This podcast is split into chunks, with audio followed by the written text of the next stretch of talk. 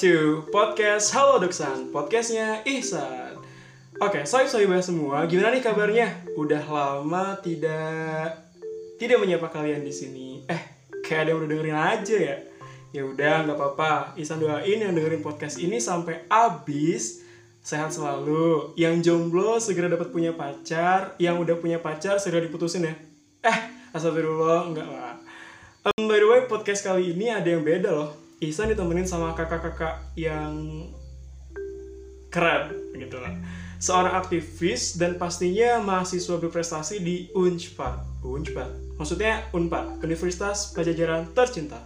Yaitu ada Kak Teja dan juga Kak Rohman. Halo kakak-kakak. Halo. Eh, sebelum Ihsan kasih tahu kita mau ngapain hari ini, tak kenal maka tak sayang. Bener gak kak? Betul. Jadi, Skoy kita kenalan dulu.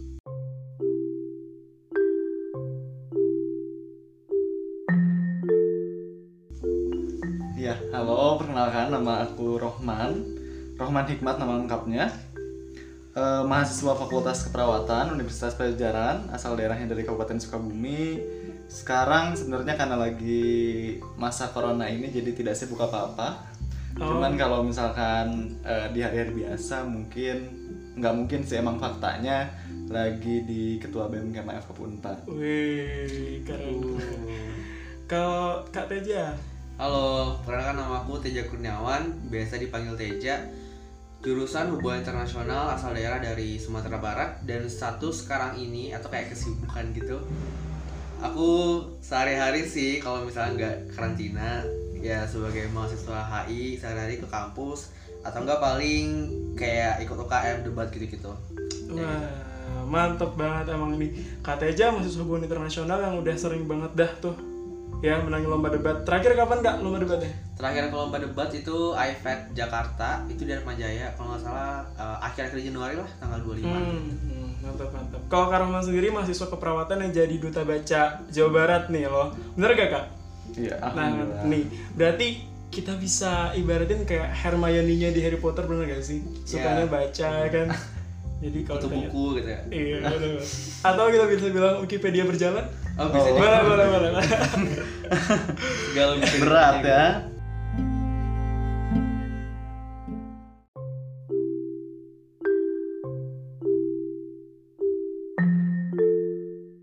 ya udah, ya udah. Langsung aja yuk. Baru nyampe sini aja udah eh, tiga menitan kali ya. Eh, jadi Isan sama kakak-kakak di sini mau sharing tentang COVID-19. Siapa yang belum tahu COVID-19? Kebangetan sih kalau nggak tahu. COVID apa sih kak? Kependekan dari apa? COVID itu kependekan dari Coronavirus Disease. Virus disease. COVID-19 berarti kayak 2019. Oke. Eh, sebenarnya sih Isan cuma mau share pengen tahu nih pandangan mahasiswa ilmu kesehatan dan juga hubungan internasional tentang pandemi coronavirus ini. Eh, ini udah dari karantin keberapa ya kak? By the way, Sekitar kalau kita mungkin ya dari udah hari ke-27. 27. Bener? Udah hampir 4 mingguan nggak sih? Lah, sebulan ya? Iya. Udah lama banget. Nah, sebelum kita bahas lebih jauh, eh kita ulik dulu deh tentang keadaan Indonesia secara general gimana sih update terbarunya tentang COVID-19 ini kak?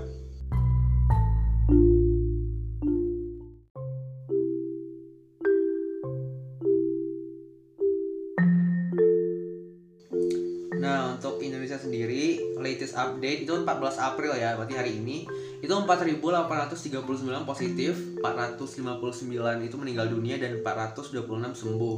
Itu aku dapat infonya dari CNN Indonesia. Wah, kalau dari masyarakat Indonesia sendiri itu ada berapa juta man- man- manusia?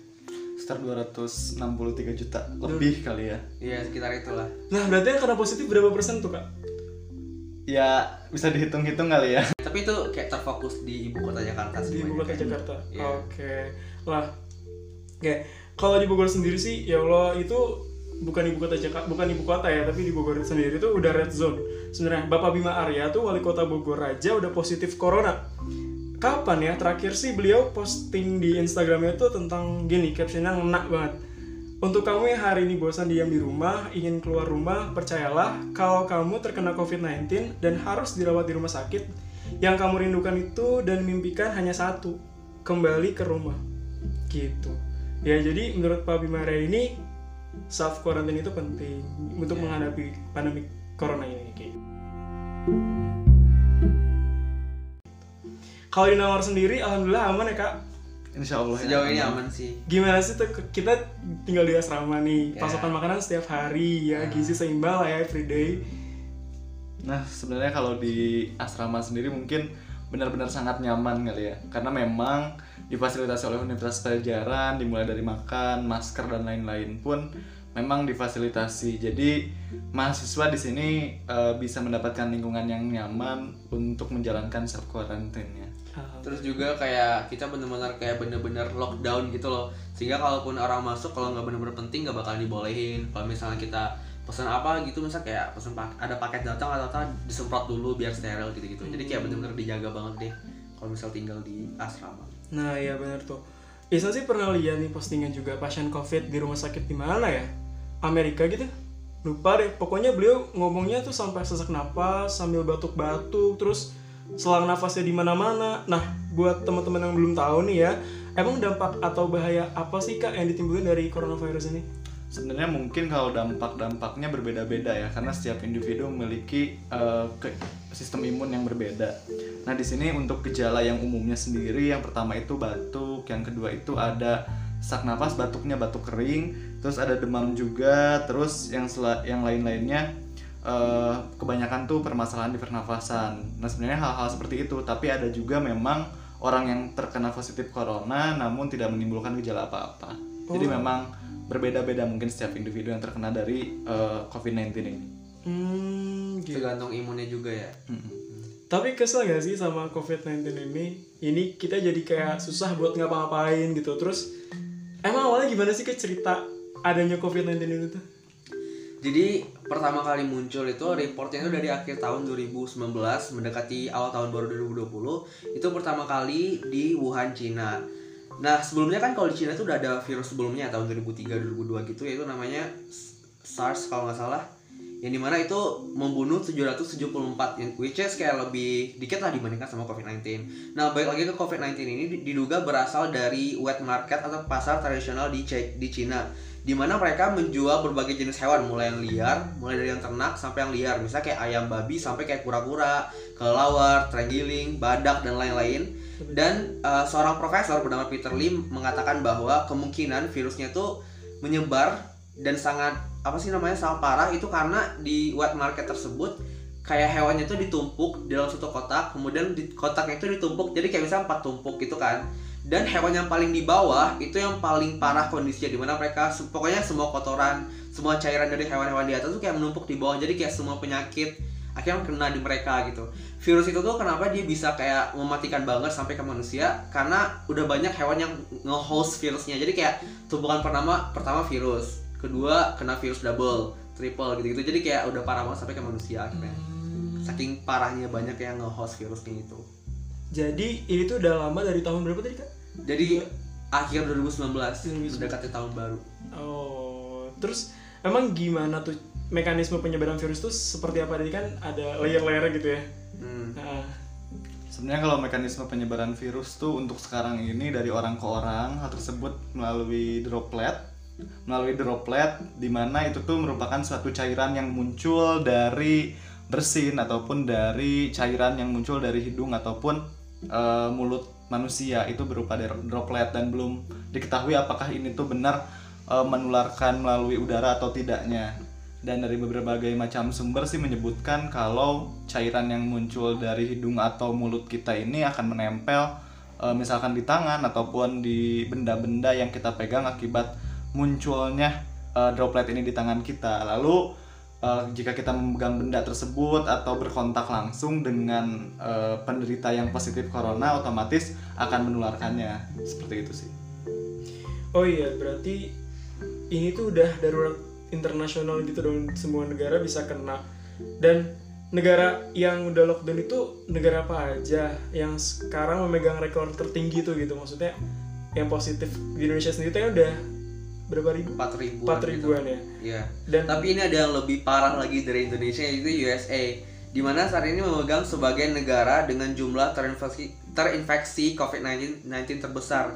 Itu reportnya dari yang paling baru ya 14 April yaitu hari ini di mana 587.173 orang itu sudah terinfeksi COVID-19 jadi kayak kebayang nggak sih kalau di Indonesia cuma kayak 4.500an sementara di USA itu udah sampai setengah juta orang udah terinfeksi.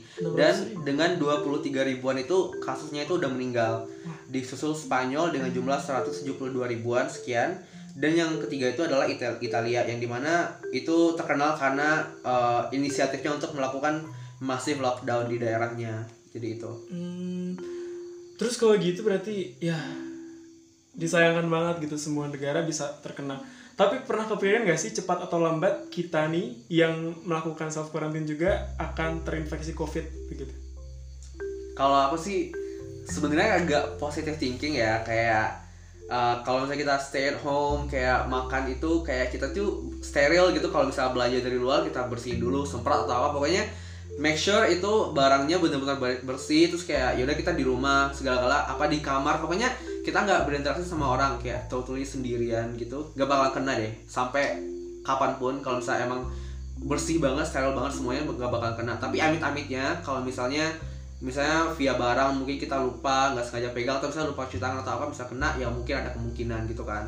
Apalagi kalau di Indonesia sendiri kan nggak seketat kayak negara Italia yang menerapkan benar-benar lockdown nggak boleh keluar gitu. Atau misalnya kayak Rusia yang benar-benar lockdown kita kan kayak masih setengah-setengah gitu. Jadi masih ada kemungkinan. Tapi kalau misalnya kita benar-benar disiplin sama stay at home self quarantine mungkin kemungkinan untuk kena itu bakal kecil banget. Dan kita pun sebenarnya kan nggak tahu ya kita tuh akan eh, terkena positif corona atau tidaknya ke depannya. Yang bisa kita jaga sekarang itu lebih ke imunitas dari tubuh kita. Di mana imunitas ini akan memerangi akan memerangi virus-virus atau kuman baik bakteri ataupun virus yang masuk ke dalam tubuh kita. Oleh karena itu yang bisa kita pertahankan sekarang ini bukan tentang overthinking akan muncul corona atau seperti apa negatif thinking seperti yang tadi udah dijelaskan sama Teja. Yang bisa kita jaga sekarang itu lebih ke pencegahan-pencegahan. Agar imunitas kita lebih terjaga kita bisa melakukan berbagai macam pencegahan yang sudah disarankan oleh pemerintah protokoler proto- protokol protokol protokol protokol yang sudah diberikan oleh pemerintah maupun pihak-pihak kampus yang berwenang itu kan sudah membagikan banyak informasi yang bisa kita lakukan itu tadi mematuhi apa yang telah disarankan oleh berbagai pihak tersebut untuk menjaga imunitas kita kayak gitu.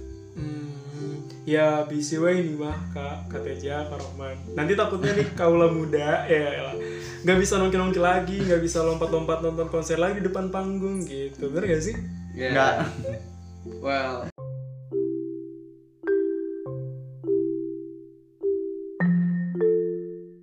Eh, kita perlu banget berarti kan yang namanya pencegahan supaya nggak terinfeksi bener kan kak Rohman Ya benar banget. nah katanya dengan sering cuci tangan pakai masker bisa cegah virus corona gitu Sebenarnya mungkin itu bukan mencegah virus corona masuk tapi lebih ke mencegah diri ini agar eh, meminimalisir munculnya virus corona dalam tubuh kita.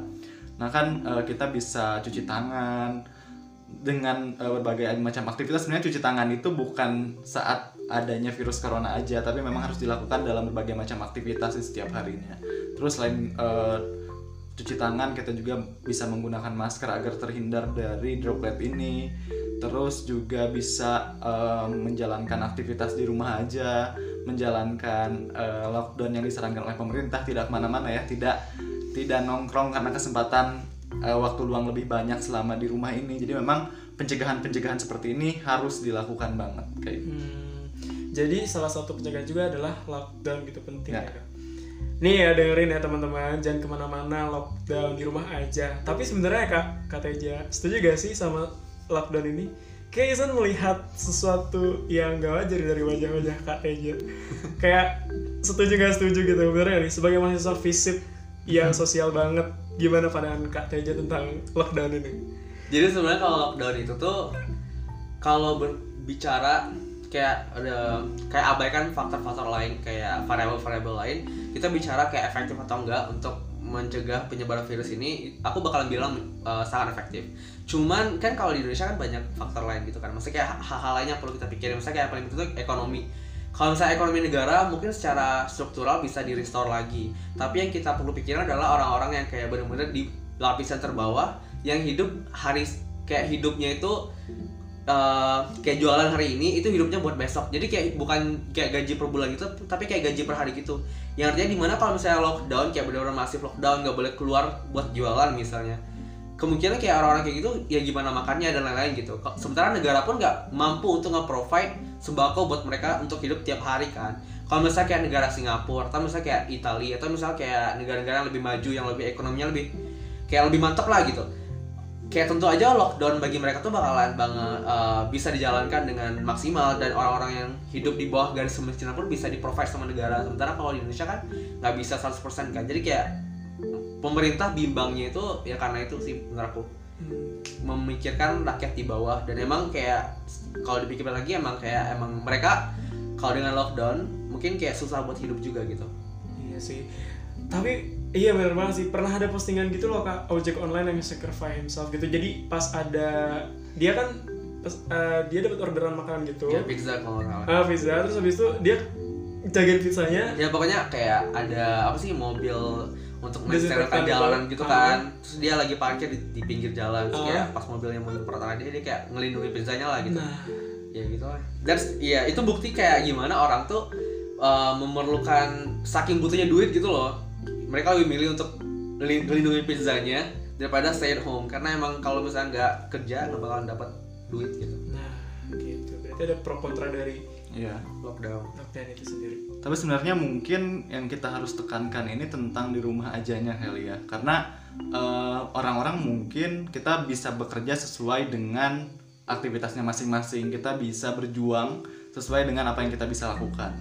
Orang-orang yang berusaha eh, di tenaga medis ya bekerja sesuai dengan ketenaga medisannya, pemerintah dengan kepemerintahannya mengeluarkan kebijakan-kebijakan yang penting dan juga kan sekarang tidak hanya pemerintah yang bergerak, banyak perusahaan-perusahaan swasta seperti mengeluarkan eh, bantuan dan lain-lain. Bahkan kan beberapa juga sudah mengeluarkan kartu prakerja ya. Yang kita bisa lakukan tentu di rumah aja tuh benar-benar sangat penting karena kenapa? Kalau misalkan kita rela untuk keluar eh, pergi ke mall, pergi ke apa ya? kumpul kumpul-kumpul dengan keluarga dengan geng ataupun eh, sekedar ingin mencari makan pengen makanan yang berbeda pengen makanan yang lebih enak lagi itu bukan hanya membahayakan diri sendiri tapi kan Tapi kita juga- membahayakan orang lain ya. Ya kasihan juga yang udah kerja gitu kan Iya, kayak dan- dokter-dokter gitu-gitu. Mm, dan memang eh, kalau di agama saya kan diajarkannya itu sebaik-baiknya manusia adalah bermanfaat bagi orang lain kan. Kalau misalkan kita sendiri itu eh, malah merugikan orang lain otomatis kita sudah zolim terhadap diri sendiri sudah zolim juga terhadap orang lain jadi stay at home Eh, Stay at home ya, sohib-sohibah semua.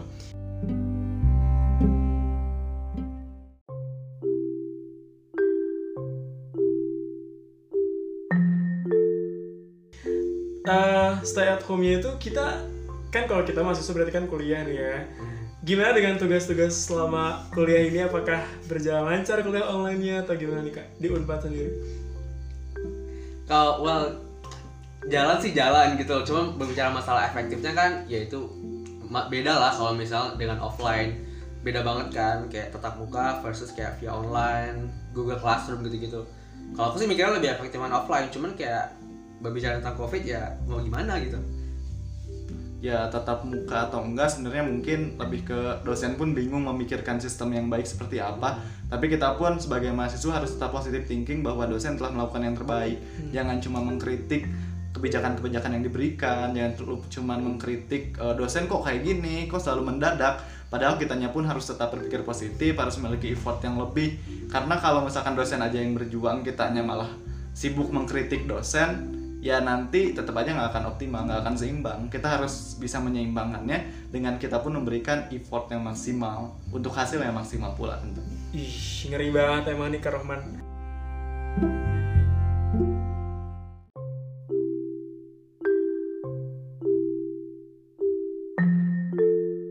Eh, selama sebulan ini ya, meme itu banyak bermunculan karena di rumah aja, Iya. ya kan? Karena di rumah aja terus meme-meme dari pelajar, dari mahasiswa kayak kita ini sama buciners gitu ya, suka Iya, bucin. iya, iya. yang nggak bisa ke mana-mana ya sekalinya keluar ya pasti kena semprot disinfektan gitu kan sama polisi. Kayak muncul meme kayak gini kuliah online atasannya pakai kemeja tapi bawahannya pakai kolor pun jadi. Ya, gitu gitu. Iya banyak banget lah.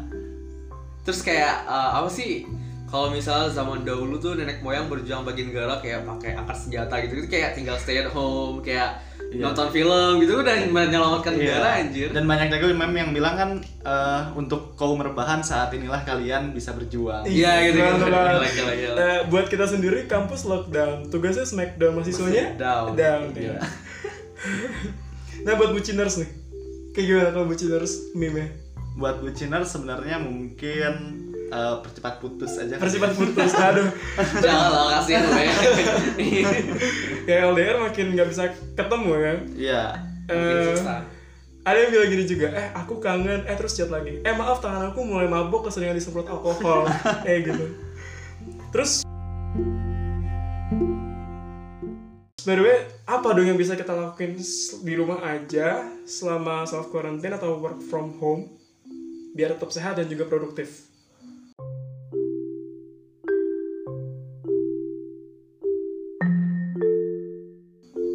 tetap di rumah Jangan ke mana-mana, Sayangi orang keluarga kalian, makan makanan bergizi seimbang olahraga, minum vitamin, Lakukan apa yang menjadi hobi kamu. kerjakan tugas semaksimal mungkin. jangan nyontek pas ujian online. Jangan lupa untuk selalu Berdoa. Eh,